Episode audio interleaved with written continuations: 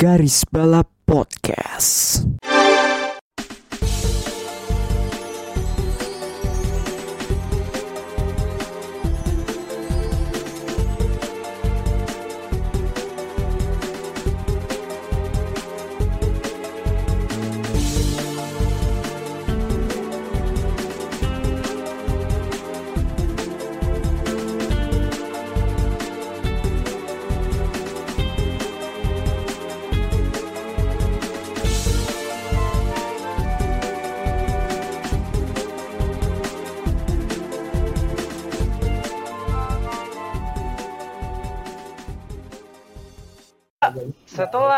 Jeda selama kurang lebih tiga minggu, akhirnya marhaban di RS Week kembali lagi di garis balap bersama gue bagus. Of course gue tidak sendiri ya, gue ada Rifki dan juga Melinda yang telah kembali. Halo, halo, halo. Eh, gue sambil makan ya. Pantesan ada gar garpu sendok gitu. Ya. Begitulah. Nikmat guys. Spesial karena ini episode angkanya sangat spesial ya. Anjing. Ya ini sudah, sudah disinggung sama admin magang. Ini episode ke-69. Tapi jujur, episode kali ini kita nggak tahu mau bahas apa. Nah, karena tidak ada topik yang wah banget ya. Seperti misalnya review balapan atau apa namanya fokus on the topic segala macam. Kita di sini cuma ya akan membahas beberapa topik update lah ya selama beberapa beberapa minggu terakhir sekalian menemani kalian gitu kan. Soalnya pada episode dua episode sebelumnya kan apa ya nggak ada bahasan update-update tertentu kan. Kayak ya kita terlalu fokus ke update fokus ke, ke bahasan tertentu gitu. Jadi kita langsung saja.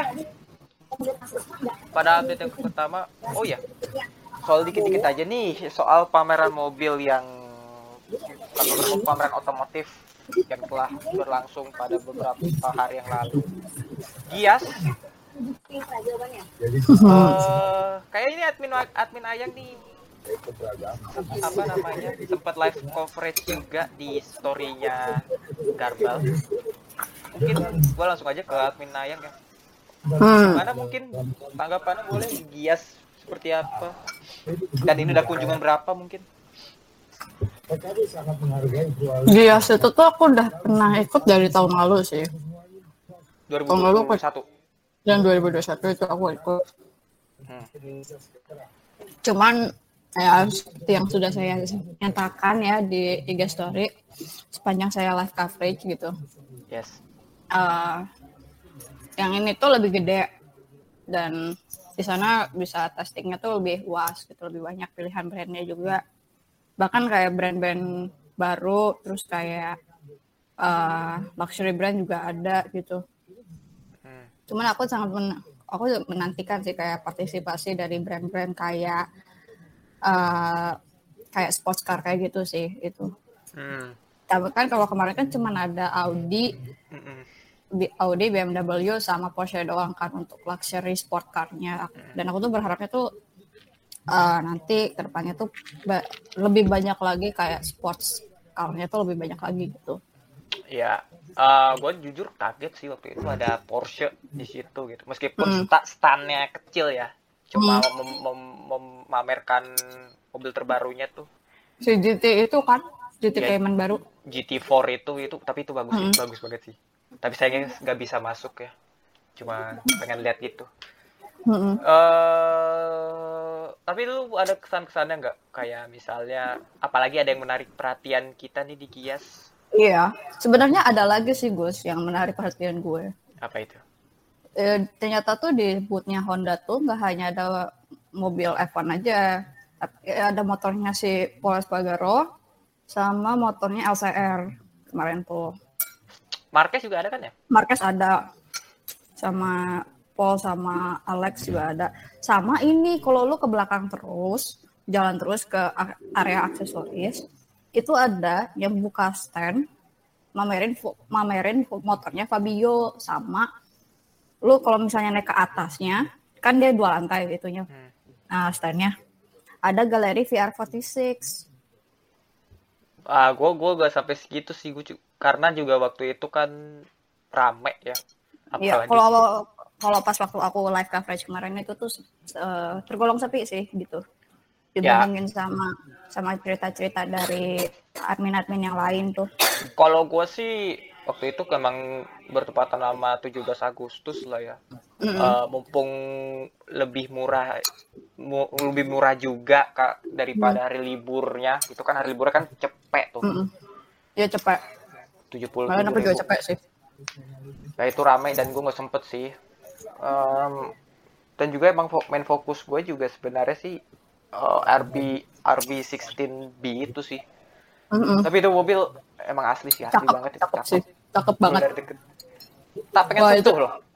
Tapi saya takut di- didenda gitu aja. Kan nggak lucu ya tiba-tiba dikirimin apa kayak su- kayak surat gitu kan, kayak surat cinta dari RBR-nya kan.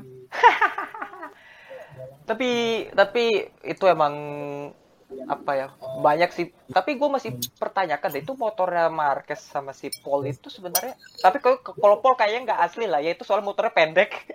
Soalnya gue udah foto di sebelahnya. Tapi kalau motornya Marquez itu asli enggak sih? Enggak ya? Apa replikanya? Replikanya. Tinggi banget soalnya. Nggak mungkin kok semak nggak setinggi itu kok. Semak pendek. Ya so- soalnya juga gue juga foto sama yang mot- mot- motornya Paul Paul Espargaro juga yang empat empat itu yang bukan hmm. gitu.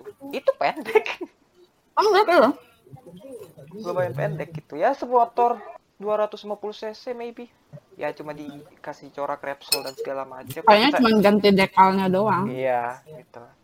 Tapi sayangnya sih selain RB16B nggak ada yang menarik perhatian ya kayak misalnya Iya. tiga tahun lalu Kayak- kayak aku Toyota. TS 050 gitu. Iya kayak kemarin kan waktu hmm, sayang agak sayangnya tuh di ini sih. Nggak ada grade kayak agak disayangkan kayak mobil gede tuh nggak desa kan kan Gias tahun sekarang ini kan bukannya Gledek Sangat ada ya? nggak ada. ada ya? Oh, oh Gledek simulatornya ada. itu simulatornya sorry sorry simulator simulatornya ada. Iya iya iya. Tapi nggak ada mobilnya gede agak disayangkan sih gitu.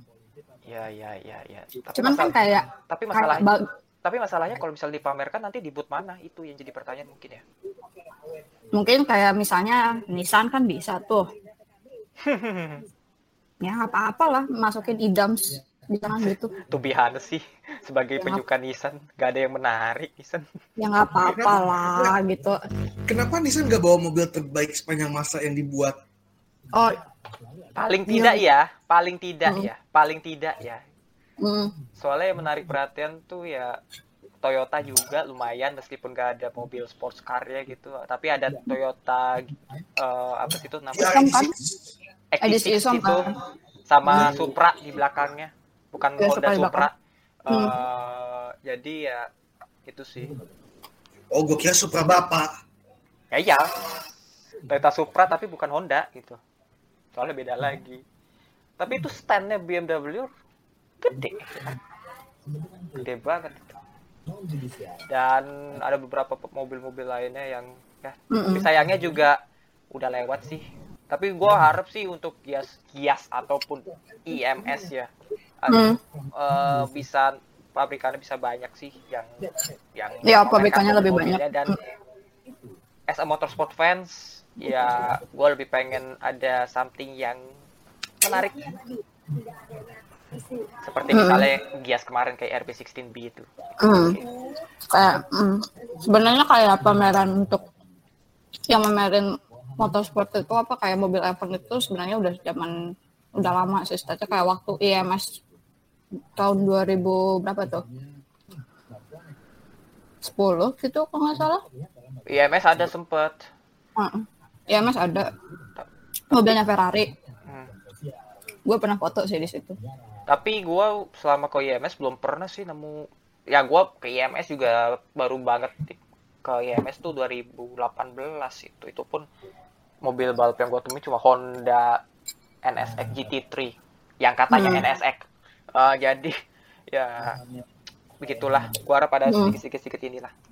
Oke, eh, kita ke topik selanjutnya. Ada ini topik yang masih baru-baru banget. beberapa hari yang lalu MotoGP berlakukan sprint race untuk musim depan. Uh, sebenarnya ini kan kita udah apa ya udah dengar dan udah dibahas juga ya di space yang diselenggarakan oleh Dewa sama Dewa. Mbak Ade. Eh, kita udah cukup apa namanya cukup tahu lah perspektif mereka dan kayak mereka juga kelihatan menolak. Hmm. Mungkin Jangan- mungkin dari apa namanya dari yang ngikutin MotoGP banget nih. Mel, Hmm. tanggapannya mungkin dipersilakan. Gue masih gagal paham apa yang dipikirkan sama Dorna menerapkan dalam satu kalender sekaligus. Iya. Oke, eh, aku, aku oke, aku masih menerima dengan ide dari sprint race-nya itu sendiri. Cuman gue masih gagal paham kenapa mereka menerapkannya itu dalam satu kalender full. Terus kayak ya kita aja nonton F1 sprint race tiga kali aja udah enak kayak gitu. Sama. Apalagi ini gitu. Ya, ini kan juga katanya kan juga apa namanya tidak menentukan starting grid dan katanya tidak menentukan poin juga ya. Jadi nggak tidak menentukan GP pada saat pada hari itu gitu. Wow. GP winernya GP winernya tetap ditentukan pada race minggu. Wow. Non championship MotoGP. Iya, Keren. jadi tuh kayak lu lu tetap dapat nih, da- tetap dapetin setengah dari uh, race utama gitu di Sunday race. Cuman lu nggak akan dianggap sebagai race winner gitu. Hmm. Jadi kayak kesannya tuh kayak lah percuma Rek, gitu. Terus lu anggap gua apa gitu. Ya ya ya ya ya ya, bener sih. Tapi ya gue juga ngeliatnya juga ini MotoGP itu kebakaran jenggot sih menurut gue sih. Karena Nggak, ya, ini langkah desperate mereka aja untuk menyelamatkan diri. ya kebakaran jenggot karena emang udah mulai ditinggalkan, udah mulai apa F1 tuh udah mulai naiknya naik naik naiknya juga bukan naik yang bener-bener ber, apa namanya eh, bertahap ya, tapi meningkat begitu gitu loh, sangat sangat Mm-mm. sangat drastis gitu. Ini membuat MotoGP kayak misalnya berpikir ulang. Ya oke, lu kopas sprint race gak apa-apa, cuma ke- kemasannya itu loh yang harus kayak gimana gitu. Dan so far kalau yang gua lihat sih tapi kalau boleh jujur sih F1 juga menerapkan sprint race gue juga kayak rada-rada gimana gitu loh. Rada-rada meh kan. Cuma karena emang ini duitnya buat Liberty ya ya udahlah. Jadi Mm-mm. jadi ya gue cuma apa namanya bisa nikmatin dan ternyata sprint race gak begitu kalau menurut gue sih dari sisi gua yang menonton Mm-mm. mengamat di F1 mengamati gitu Mm-mm. ya nggak biasa aja pawai sekedar pawai kecuali ya Sao Paulo atau Sao Paulo 2021 atau mungkin Austria kemarin aksinya Lewis sama Mick itu itu yang paling menghibur itu pun juga menurut gua juga bukan bisa jadikan patokan bahwa sprint race ini sebenarnya berhasil Mm-mm. tapi Gua, gua sih malah lebih ini ya. Gua lebih concernnya ngelihat gimana Dorna announce ini gitu loh. hmm, Kayak Oh gua, iya. gua gua bukan fans MotoGP, tapi gua begitu gua, gua ngedenger kayak eh, si siapa tuh bosnya Dorna tuh si Bernie 2.0 tuh siapa? Espeleta Nah Ternyata. ya dia dia bilang ya itu tugasnya tim buat ngasih tahu kayak arogansi macam apa ini dari dari sebuah IO slash rulemaker. Bukannya seharusnya ya kalau gue ngeliatnya dari F1 ya, F1 kan ketika mereka mau propose sesuatu mereka akan ngo- ngomong dengan tim, mereka juga akan ngomong dengan driver, mereka juga akan eh, apa semua itu juga perlu persetujuan dari WMS-nya FIA gitu kan sebelum discuss lah ya kan. Hmm. Jadi ada Hmm. ada proses diskusi, ada proses perbincangan gitu nggak kayak mendadak. Oke kita bakal ini dan pembalap pada kecolongan gitu kan. ya kayak ini aja sih ya ini ini gua terapkan dan lu nggak mau lu mau nggak mau harus jalanin Iya dan Hmm. dan ya eh, seperti yang gue bilang di space kemarin kan, gue juga kaget melihat kayak ini kok pembalap sama tim tuh kayak nggak punya political bargain itu loh, kayak kayak kayak nggak punya power itu loh against against Dorna. agak susah sih karena tidak ada yang cukup pembalap yang cukup vokal dan juga cukup berani gitu loh kalau gue Mm-mm. lihat ya dan apa sih namanya ya sebenarnya sih itu kan udah udah udah udah sebuah sinyal ya ketika Fabio ngomong this is really stupid gitu loh. Iya. Tapi ya again sih semua udah terjadi gitu mau gimana? Susah juga gitu. Kalau ya Dan ya apa ya kayak ya again this is show how much MotoGP lost its touch gitu loh dengan apa Dorna itu kehilangan sentuhan dengan fansnya itu loh. Iya bukan, itu bukan yang fans mau, yang fans mau tuh sebenarnya lu ubah regulasi deh.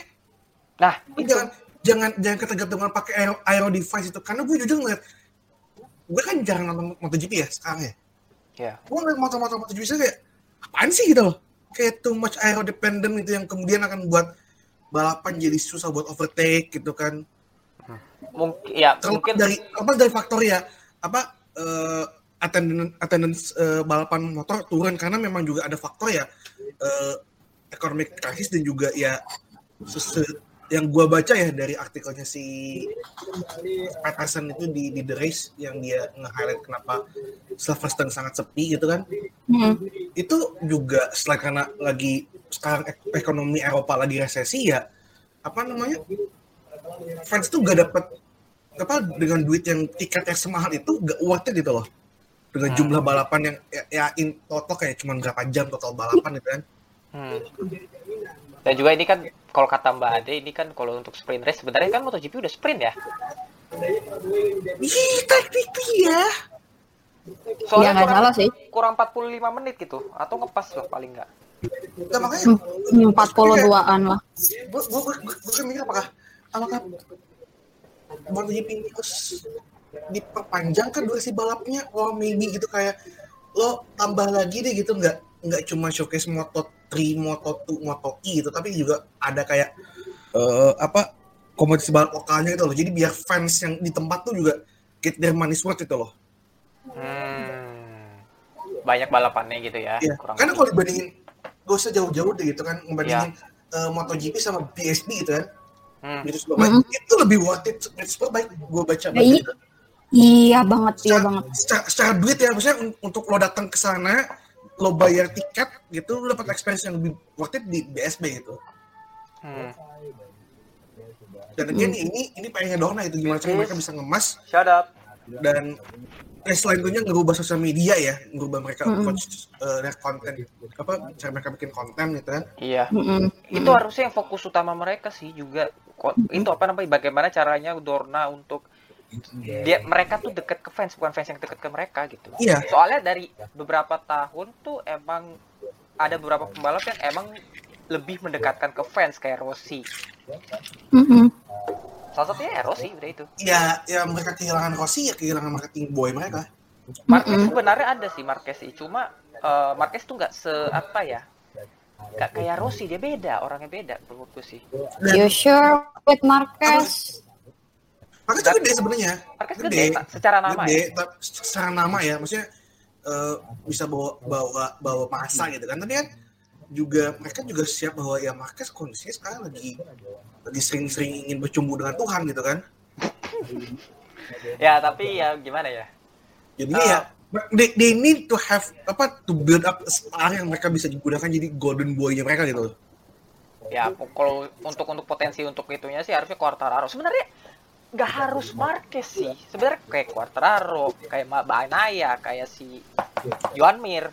Bastia sebenarnya gitu bisa, kan Bisa bisa dijual gitu loh. iya bisa benar bisa di apa ya kayak misalnya Leclerc, Russell, Albon gitu-gitu gitu loh. Iya. Sebenarnya bisa gitu. Cuma willingness-nya aja sih dan plus juga kayaknya ya Mhm. balik lagi ke tipe pembalapnya sendiri sih Mm-mm. ya, tapi yang untuk saat ini Eh. sih tapi untuk saat ini sih yang emang lebih pengen deket sama fans kayak sih ya. Sorry ya bukan ini agak bias sih tapi Quartararo sih salah satunya. Cuma Quartararo masih kurang juga sih. Ya masih oh, masih masih ngebangun sama kayak ini loh. Gue nanti kayak kontrol mirip agak kayak Lewis waktu awal-awal di Mercedes deh. Ya. Menurut, menurut gue ya. Kurang kayak lagi coba climbing up the social ladder gitu loh. Ya Mm-mm. Lulusnya me- mejeng gitu-gitu sih. Tapi ya apa dan ya ini PR juga sih karena kalau kita lihat ya gue banding sama F1 lah gitu kan F1 menurut gue ya misalnya Lewis juga ikut sama saya pensiun tahun ini mereka tuh tenang mereka Iya. tuh masih punya banyak golden boy yang mereka bisa gunakan gitu loh Iya. You still get Verstappen, you still get Leclerc, you still get Russell gitu, Orlando misalnya itu kan yang yang yang punya tampang yang bisa dijual, bisa lu juga bisa crafting storyline kayak eh apa ya? Ya kayak kayak kita ngeliat sama-sama Leclerc gitu kan.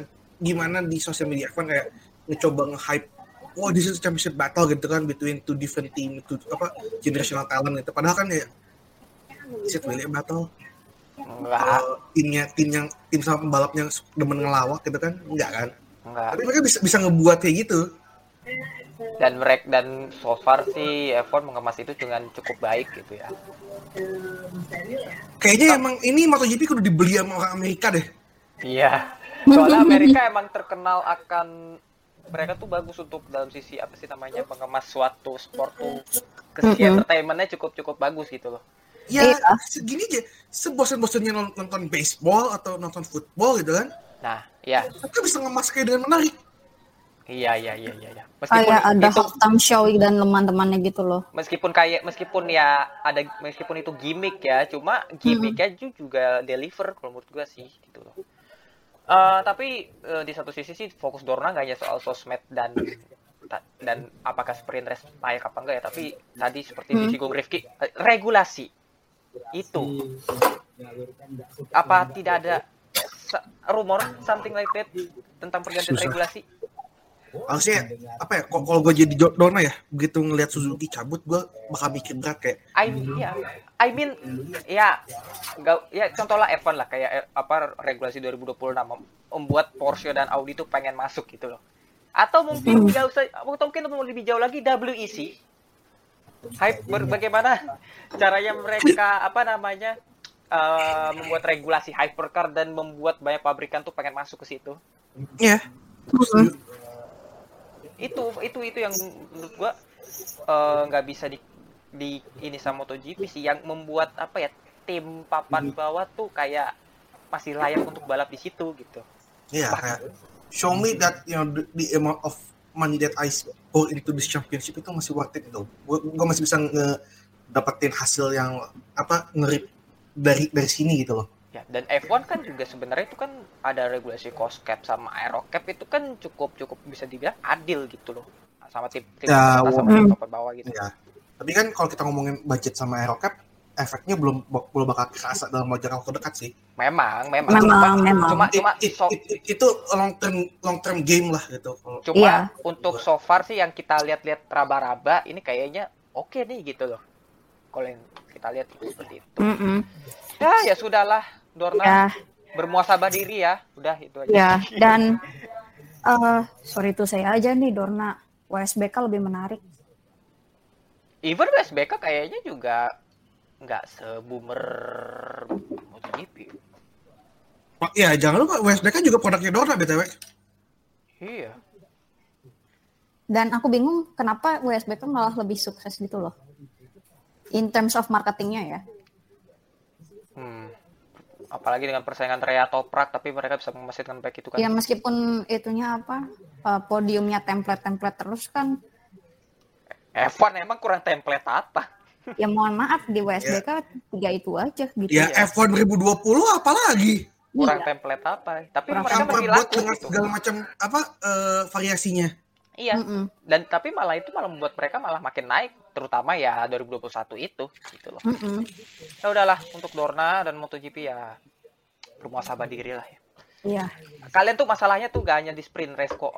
Sprint race ada apa enggak tuh menurut gua nggak nggak bakal ngaruh sih. Pokoknya Itu in the itu bigger cuman short short apa cuman kayak panik mode aja udah. iya. Lo nggak Mm. lo lo nggak mikirin nasibnya apa mekanik kru yang eh, mereka kan dat- datang lebih awal mereka bangun itu pit gitu kan bangun motor Tanpa adanya sprint race aja itu dari Indonesia ke Argentina itu kan 38 jam gila itu. iya Belum lagi belum lagi drama-drama fright kemarin kan. Ya misal entah itu Dari- drama motor ya ya lah. ya ya, ya kalau kalau itu kan masalah teknis ya maksudnya Heeh. eh, apa ya itu kan kejadian apa yang mungkin extraordinary gitu kan tapi kayak Hmm. segampangnya ya itu aja gimana caranya lo travel itu jauh lebih manusiawi lah bikin Mhm. kalendernya lebih manusiawi gitu misalnya dari Asia ke Eropa dulu jangan Asia ke Amerika Latin bikin Itu bikin kalender kok goblok-goblok amat loh. ya, ya belajar dari F, eh, belajar dari F1 beneran ini. Apalagi lo, gua masa MotoGP juga target buat sus- apa sustainable kan? ya Ya gimana Hmm. mau sustainable kalau lo bikin jadwal kayak kayak kuda ya gitu. iya gitu ya kita pokoknya sih kalau untuk MotoGP sih patokannya emang lebih ke F1 lah karena emang F1 tuh setara sama MotoGP meskipun beda beda alam gitu tapi setingkat gitu ajang dunia Iya. loh makanya kita pakai MotoGP itu eh, F1 tuh sebagai ya sebagai kacaan gitu loh oke eh, kita ke bahasan lain ya pokoknya do- untuk Dorna mau sabar diri see the bigger picture not in the small picture tapi ya lihat secara garis besarnya aja sih. Jangan hanya lu sprint race terus abis itu lu nggak melakukan apa-apa. Lu harus PR-nya Dorna masih banyak. Itu aja. Oke eh, kita ke bahasan berikutnya ada eh, soal NASCAR. Ada beberapa pembalap non US yang berkompetisi di Glen kemarin. Salah satunya Kimi. Tapi sayangnya DNF loh. Aduh. Sama Dani. Dani Ya, Kesian juga sih. ada Sayang banget sih. padahal ya Mm-mm. katanya run itu dia Oh sorry kok gua gua nonton ini lagi sih. Nonton apa? Gua nonton highlight sama replay dikit dan ya oke kok. Dan kalau boleh jujur sih, Kimi itu nampaknya sangat enjoy di NASCAR sih. Karena gini, eh sebelum balapannya dia bagaimana dia berinteraksi dengan para pembalap tuh kayak his smile and dan jarang-jarang Kimi tuh senyumnya selebar itu. Even meskipun dia apa ya eh, DNF ya sa- sa- apa namanya di Glen dan dia kalau salah sempet di IG-nya istrinya kalau nggak salah eh atau siapa gitu dia tunjukin thumbs-nya thumbs-nya rada bengkak gitu habis kecelakaan tapi dia masih Oh, senyum gitu Iya. Itu di, dari istrinya. istrinya ya Iya. dan gua udah sangat lama tidak melihat Kimi senyum seperti itu sih di F1 he looks really enjoy with with NASCAR gitu kalau gue lihat sih I don't know mung- mungkin hanya gua atau mungkin kalian punya ini lain tapi menurut gue sih Hmm. Kimi eh, kayaknya sini Kimi apa ini bukan balapan terakhir ya di NASCAR sih pasti akan ada, akan ada lagi Oh lanjut. Oh, lanjut lah. Yakin. Dan gua nggak kaget kalau misalnya tiba-tiba kini decided tuh ya, gua mau full time guys di NASCAR. Bisa jad- Soal- jadwal NASCAR juga nggak nggak nggak terlalu demanding banget sih. Iya nggak sih? Ah, justru malah banyak sih Iya banyak tapi kayak kayak nggak yang terlalu ini gitu loh. ya bisa sih dan juga tinggal di US gitu kan Iya. Tapi lu udah udah pernah tinggal di US kan pas lagi dulu ini. ya udah udah udah udah udah pernah setauku ya tapi sayang ya untuk Kimi nggak bisa ini dan semoga saya bisa balapan lagi di NASCAR oke eh, ada berita baru lagi An dengar-dengar Andretti bangun HQ baru Yap. Jadi eh, laporan dari Dres ngumumin bahwa Andretti unveil plan buat mereka bikin HQ baru itu kalau salah 200 juta lebih. Eh, Wow. Pokoknya ged- itu gede banget. Itu buat cover semua all Andretti Sporting eh matters itu loh. Hmm, Oh. itu itu buat buat apa sih namanya buat buat apa aja tuh Motorsport semua jadi Semua semua ininya Andretti. urusannya Ah. Andretti semuanya di situ gitu jadinya. atau mungkin bisa memperluas cabang dia ke ajang lain Iya, karena yang ini juga kan buat flexing ini juga sih buat ke itu dua Karen itu Eh, dan juga kepada F1 kayak ya gue serius gitu loh. Iya. F- eh, F1 dan juga mungkin dia sampai saat ini kan Andretti juga masih minat kan di sports car juga makanya kan mere- mereka berkompetisi di LMP3 di IMSA. Iya. Eh, ya kita lihat kelanjutannya apa sih tapi menurut gua sih Andretti akan membuka cabang banyak ya untuk balapan-balapan Serius kok. lain. Eh, selain Andretti juga yang gue tahu McLaren apa McLaren SP Hmm. juga lagi expand kalau nggak salah atau lagi bangun SQ baru itu nggak salah. Hmm. Sih sebenarnya sih. Itu nggak hanya membuka kalau McLaren SP sih kayaknya sih bakal diindikar-indikar juga sih. Paling untuk memperluas mobil-mobil lain. Soalnya mereka kan planning kalau jadi kan planning tiga mobil itu musim depan. Tiga mobil full time kan. Ya, Mm-mm. soalnya. Dan mungkin bisa bisa upgrade jadi 4 buat OVA buat buat 500. Hmm. Oh. Bisa sih, bisa, bisa. Menarik sebenarnya sih. Ya, beruntunglah NASCAR tidak ada Nas eh NASCAR sorry. Apa IndyCar? IndyCar ada pembatasan grid gak sih? Enggak, enggak ya? Kayaknya enggak deh. apalagi itu itu kan. Jadi eh jadi ya biar kita lihat aja nanti McLaren SP seperti apa dan Andretti mungkin bisa memperluas cabangnya di olahraga balap lain. Lalu ya, ada bagus, bagusnya sih Indi apa sorry. Bagusnya Indi juga lagi ini lagi lagi naik juga sih. Ketolong juga banyak ex F1 driver yang pada apa ex eh, F1 sama F2 driver yang ke sana Grosjean, Longard, Island. Dan Highlight. Jungkos juga kan namanya kan mau expand juga ke ke ininya. ke satu mobil lagi ya dua Hmm. kita lihat saja oke itu dari dari berita di US sekarang kita pindah ke Omori Nissan umumkan squad eh, Formula E 2022-2023 dengan umumin Norman Nato dan Sasha Fenestras as a, Satu as a Nissan ini jujur ya kembali ke nol udah ekspektasi. Ya. Udah udah kayak Eh, bensin aja ya juga- ngisi. Tapi juga menurut gua Nggak nol-nol iya amat kalau, sih. Kalau kalau mereka mau balik ke square one, ini malah bagus karena kan tahun basically musim depan kan it's blank check New. semua. Iya car. semua. iya iya iya iya Jadi jadi ya good for them. Terus juga yang tadi juga kita baru ini kan, up baru ngumumin Ah, sama satu lagi tuh. Up baru ngumumin Robin French dan Nico Muller. Eh, sebenarnya sih gue nggak tahu sih ini ada di belakang apa nih Muller sama Rudy tapi nanti kita ke situ. Hmm. Eh, tapi kita ke Nissan dulu. Eh, pokoknya kalau ya ini memang emang kembali ke kalau menurutku sih memang kembali ke nol sih. Cuma eh seperti tadi kata Rifki ini masih bener-bener tidak bisa ketebak siapa yang paling misalnya paling inferior atau superior gitu kan. Karena regulasi baru juga. Eh, jadi ya kita bisa kita akan bertemu Sasha Fenestras dan Nor- Norman Nato di Jakarta Ibrik kalau emang kita bisa. Kembali kalau pada bisa. Kalau- Kalau pada bisa. Sa- Eh, siapa tahu tiba-tiba ada yang ngetok DM kita. Ya, ya, ya, ya kalau itu bonus tapi ya ya kan kita juga punya rencana pribadi gitu kan. Ya, siapa tahu. Gitu aja sih. Kalau bisa ya kenapa enggak gitu aja. ya kita kan aminkan saja pokoknya Mm-mm. Pembahasan selanjutnya tadi seperti sudah disinggung oleh Rifki dan gua eh, soal up ini yang ngumumin Robin Fresh dan Nico Muller. Eh, nggak jauh-jauh dari situ ada dalam beberapa pekan terakhir ini tim pabrikannya up sebenarnya Audi.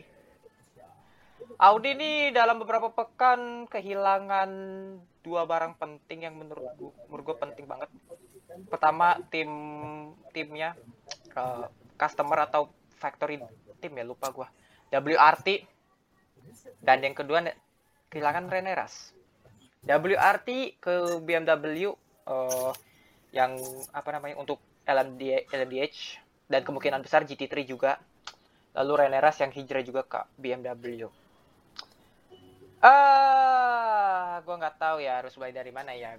Saya pengen ngeran ini tapi eh apa nggak bisa ya? Audi tuh seperti Porsche. Money comes first, man. Eh, I mean gini eh, Audi ini kan akan kayak seperti Audi Audi ini sebenarnya sistemnya kayak apa sih untuk apakah kerjasama sama Sauber kah apa emang emang mau ada rencana mau take over Sauber gitu Yang gue baca take over. Take over beli sahamnya milik mereka. Dan jangan lupa eh, Audi kan startnya dari dari nol bangun mesin F1. Beda sama Porsche yang basically ya you ada campur tangan Red Bull Powertrain. ah Jadi oto- otomatis Dua- ya ya kalau kita hitung-hitung cost ya jauh lebih mahal Audi. Mm-mm. Kayaknya mereka juga akuisisinya 51% deh minimal. I see Gitu, makanya itu Makanya nggak nggak kaget kalau mereka bisa ada tuh ya udah gua kita kita apa eh, batalin itu LMDH dan juga apa batal eh, mengurangi mengurangi apa jumlah factory kita gitu loh. Iya. batal sih menurut gue sih. Bukan on hold lagi batal menurut gue sih. Karena uh, ya itu tadi uh, sebenarnya tuh ya sebenarnya sih bisa-bisa aja sih. Cuma gimana Audinya sih? Cuma ya kembali lagi sih Audi sama Porsche itu rada berbeda dan juga mereka bersaing lah ya. Meskipun... dan jangan lupa juga jangan lupa juga kan ujung-ujungnya harus ada persetujuan dari Volkswagen dulu mereka Yo, Volkswagen mah udah setuju cuy udah kasih Volkswagen Group pasti untuk untuk kalau misalnya mereka mau lanjut apa mau double program sama apa mau triple program sama LMDH atau gitu kan ya tetap mm-hmm. ujungnya harus ini tuh consult with VAG dulu sih. Gitu. Tapi feeling gue sih Audi bakal ya GT3 kayak bakal bubar sih menurut gue. Tapi gak tau ya, menurut gue kayak sayang juga sih kok Audi bubar dari GT3. Maksud gue, lo tahun dua tahun lagi eh apa WEC mau pakai GT3. GT3. Yes. Mm -mm. Itu bisa, bisa bisa lo jual gitu loh. Ya tapi gimana ya Ki? Buat buat nambah pundi-pundi duit itu. Lu itu. Tapi ya gimana ya Ki? Pertama nggak ada tanda-tanda bahwa Audi akan mengeluarkan mobil terbaru dari GT3. Kita lihat kayak uh, tim tetangganya kayak BMW udah M4. Uh, eh, terus Porsche 911 baru meskipun itu basic kan 992. Uh, terus yang si Ferrari, Lambo bahkan udah udah ngeluarin GT3 terbaru ya. Audi ya. Audi cuma dalam beberapa tahun, nggak beberapa tahun, dalam setahun terakhir itu cuma mengeluarkan update hanya untuk R8 aja gitu. Gak ada gak ada gak ada gak ada tanda-tanda bahwa ini ini pabrikan akan mengeluarkan mobil GT3 barunya gitu. Ya, ini yang menurut gue kayak ini yang ya. membuat gue kayak banyak banyak kan banyak gue banyak spekulasi fans-fans sana yang bilang wah ini kayak GT3 bubar ini.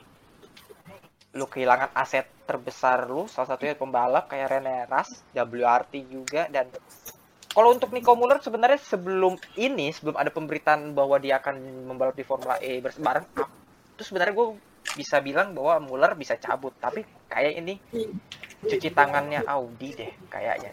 Dan karena ya itu sih apa sih namanya?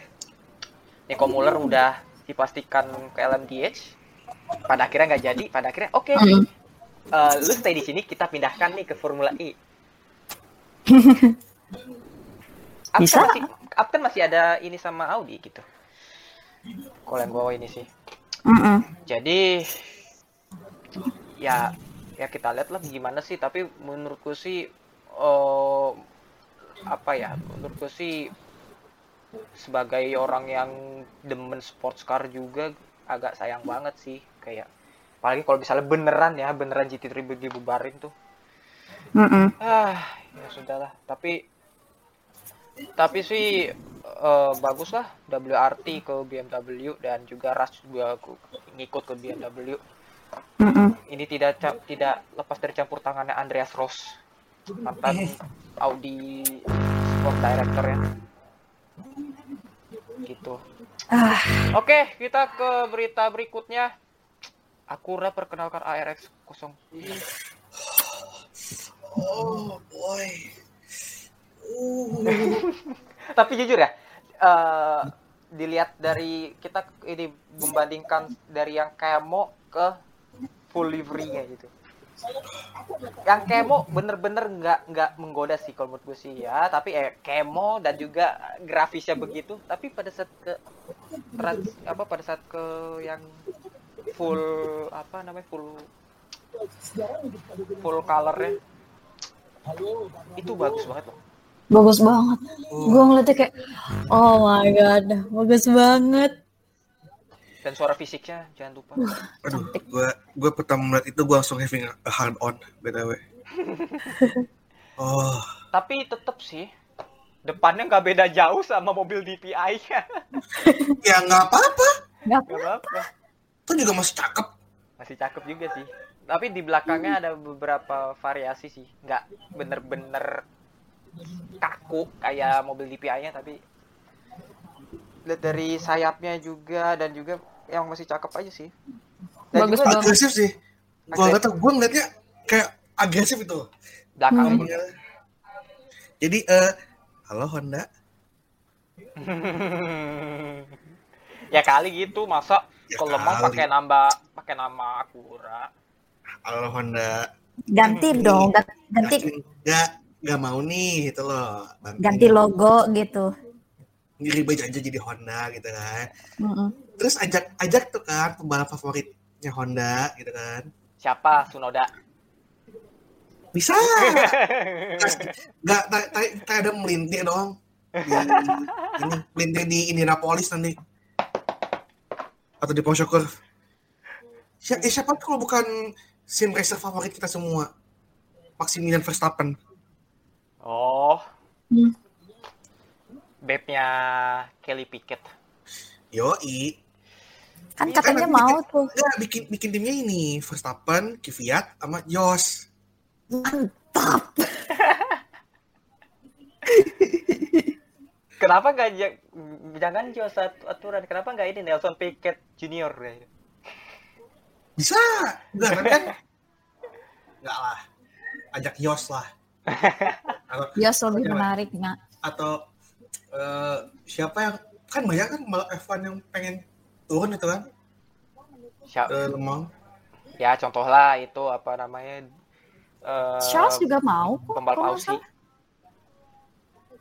Bisa jadi tuh kan. Boleh.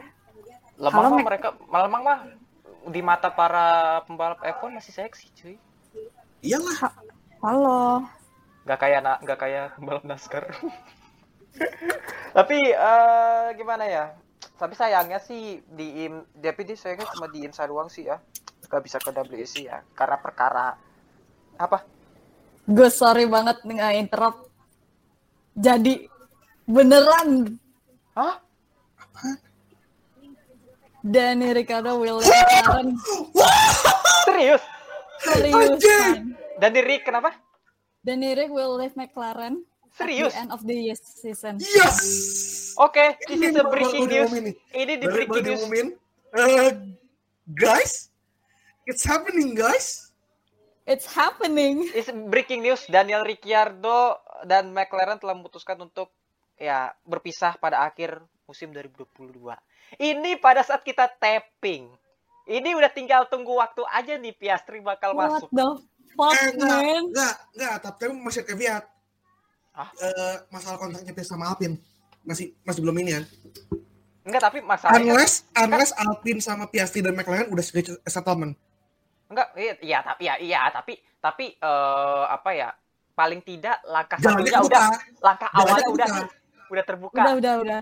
Jalannya udah udah, udah, udah terbuka. Emangnya siapa Jalannya lagi udah yang mau ke McLaren selain Piastri rumornya? Kan enggak ada gitu kan.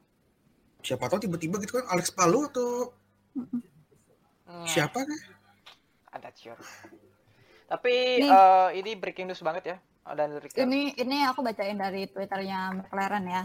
McLaren Racing and Daniel Ricciardo have mutually agreed that Daniel will leave the team at the end of 2022 season. The team thanks Daniel for its dedication contribution, including the memorable win in Monza. We look forward to finishing the season strongly together. Ya. Gue shock banget anjir ini beneran terjadi. Bentar, bentar, bentar. Ini kita, Wah, tadi kita, paham padahal, padahal kita tadi sempat sempat singgung Ricciardo. Apakah dia akan ke Lebang apa enggak? Aduh, bagusan banget anjir. pas banget ya. Ya. Aduh. Roh. Roh. Sweat, sweat. Wuh, wuh. Ta- Tadinya gini, eh, tadinya kita bahas Akura dan sekarang ke moodnya Daniel Ricciardo. Akura Popo.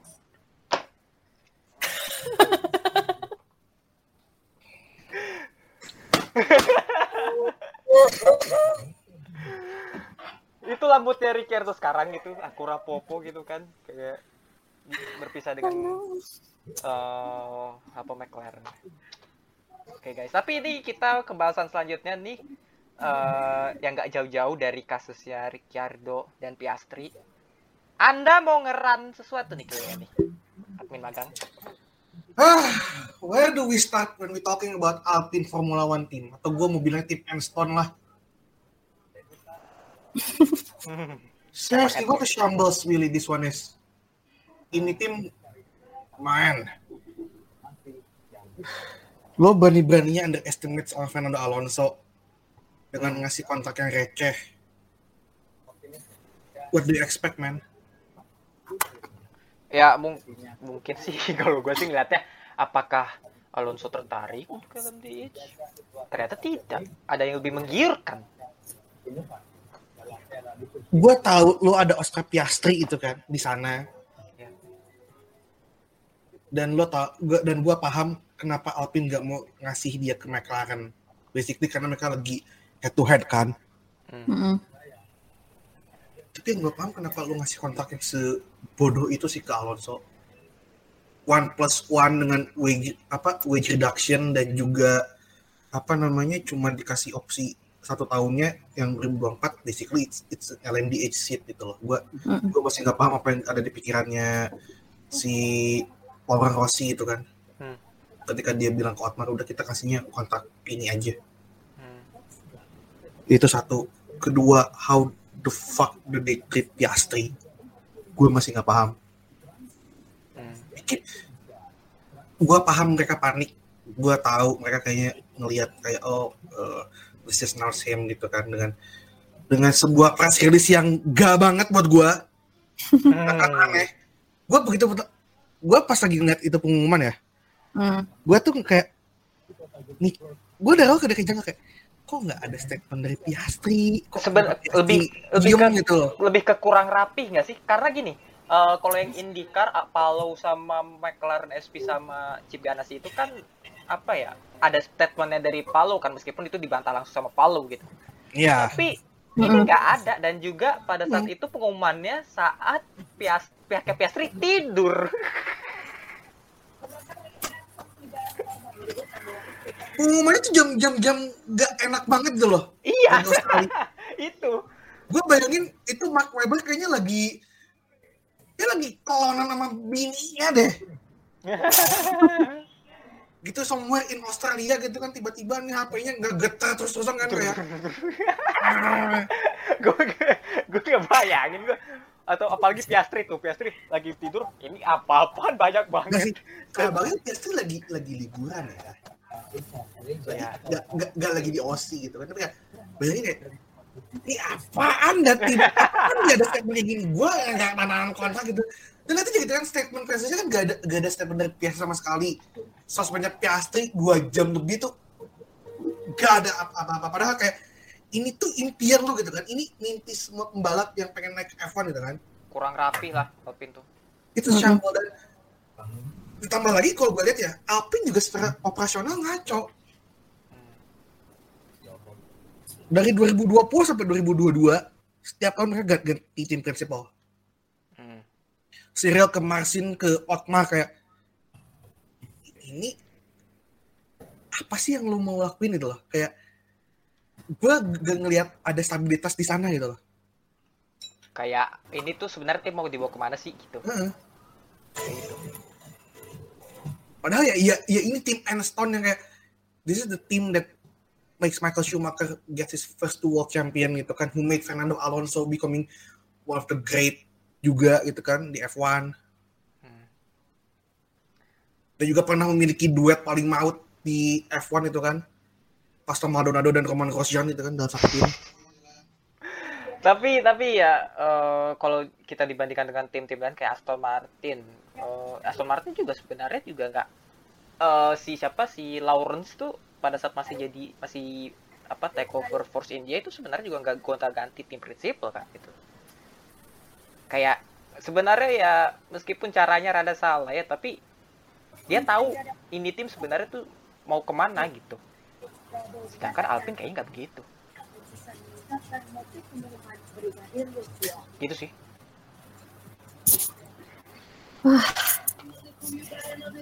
mungkin harus menayang mungkin mau menanggapi sesuatu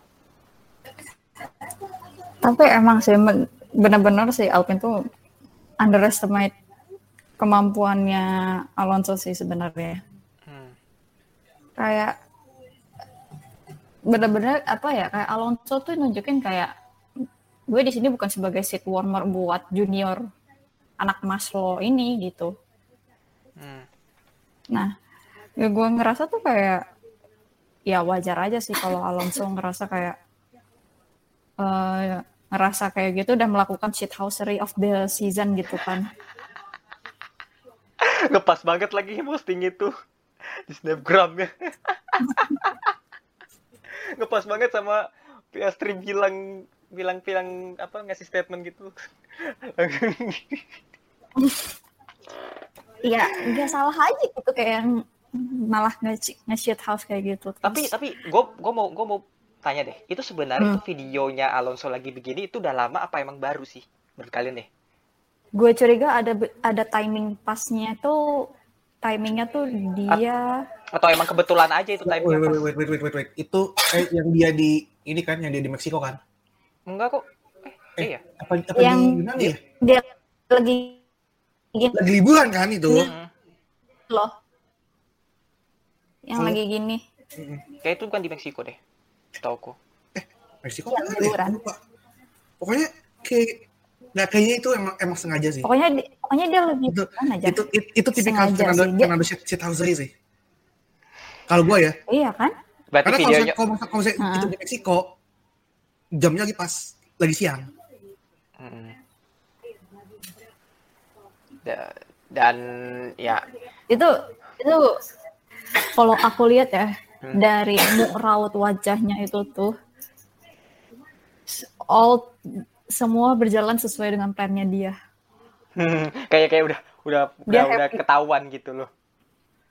udah ketahuan gitu Tapi kayak Emang Alonso ya? juga Alon- tapi kayak Alonso juga tak paham deh operasional Alpine emang lagi nggak begitu bagus juga. Ya, ya kalau Alonso sampai kayak gabung sama Aston Martin yang tim yang kayak gitu ya, berarti there's Ya. something wrong with this team. Ya kalau mau dipilih apa namanya terburuk dari yang ter, eh, apa, terbaiknya yang terburuk ya Aston Martin. ya. Iya, selain tentu- tentunya duit scroll yang infinite budget itu ya, Iya.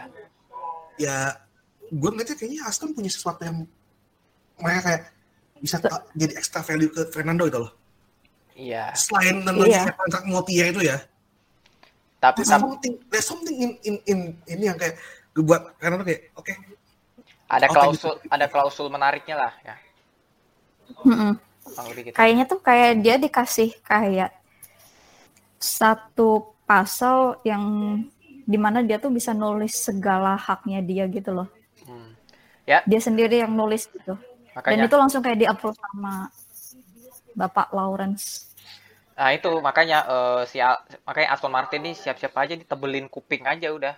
Karena bakal bakal apa lu bakal di kalau misalnya nggak sesuai sama Alonso yang Alonso mau ya lu bakal dimencak-mencak kayak misal masa kayak McLaren 2015 16 17 Mm-mm.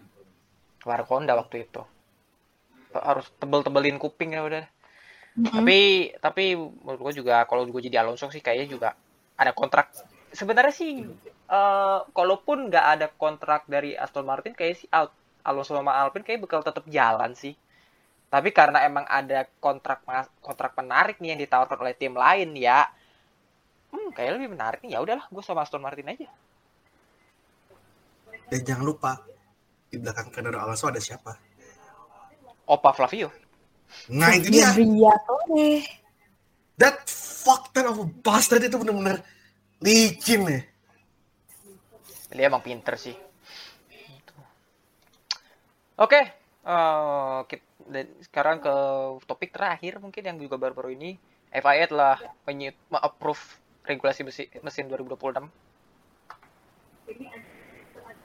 Ada lebih, tanggapan? lebih kecil ya ukurannya Lebih Eh, kecil.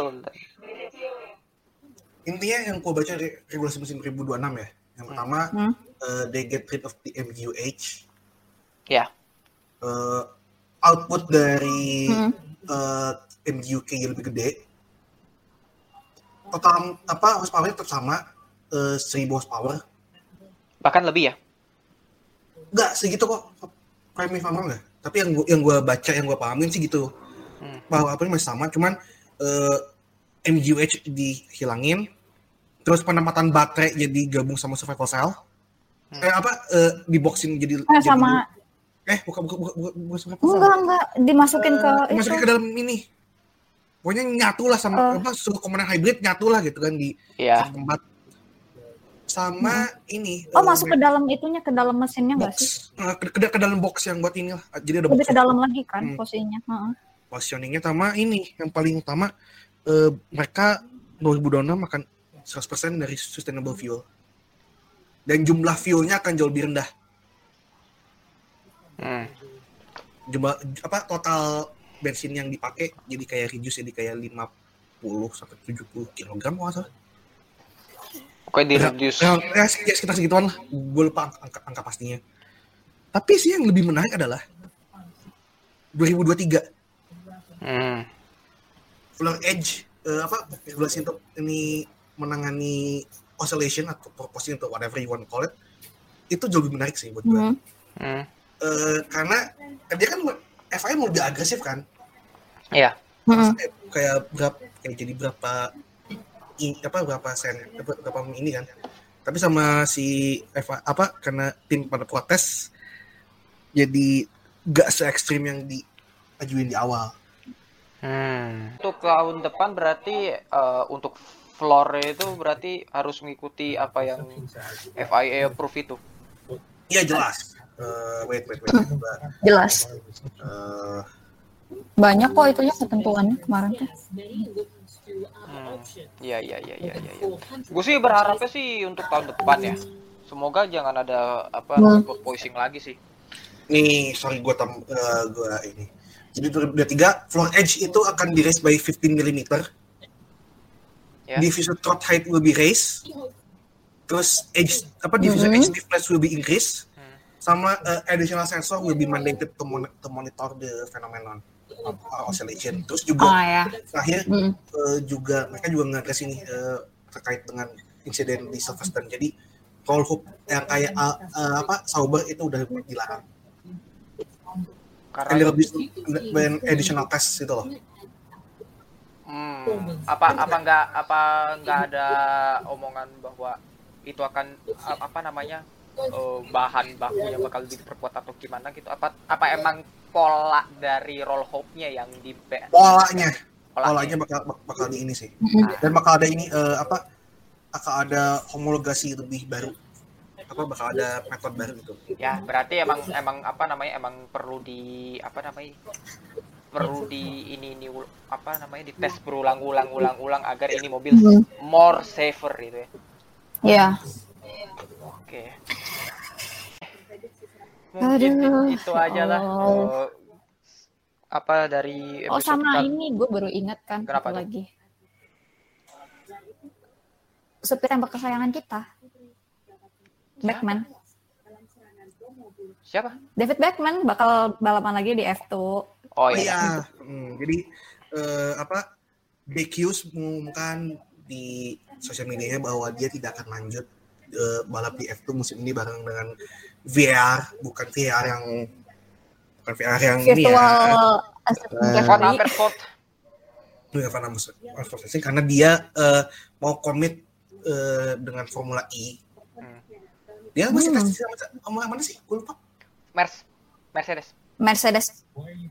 Berarti oh I assume he probably will still retain by McLaren mungkin atau juga who knows mungkin ada tim-tim lain yang approach. tim papan bawah sih kalau menurut gue sih Hmm, nah, sekarang Nio mungkin mungkin Nio mungkin kan. Bisa. Dan sebagai gantinya David Beckman uh, will replace Jack Hughes di sisa balapan F2 musim ini. Jadi ya cuman triple header ini sama Abu Dhabi sih, cuman 4 balapan lagi. ya Iya. Back- Backman kan juga pembalap tesnya Andretti kan ya Iya, sayang banget kemarin kita nggak nggak kelihatan nampaknya di Jakarta tapi ya sudah Mm-mm. oke itu aja mungkin dari kita. Karena kita, kit- sangat tidak percaya dan tidak mempersiapkan ini dan tidak me- tidak apa ya tidak menduga-duga bakal terjadi ya. Ricky, dengan ini dinyatakan bahwa Ricciardo meninggalkan McLaren pada akhir musim ini. Kita lihat ia akan pergi ke mana. Jangan lupa uh, follow Instagram follow Twitter dan follow podcast apa? Spotify garis balap untuk Jangan lupa rating. jangan lupa rating dan juga ya follow follow lah untuk informasi lebih lanjut mengenai berita-berita soal motorsport oke gua bagus Belinda dan Rifki undur diri sampai jumpa di episode berikutnya Dah, salam motorsport Indonesia. Dadah.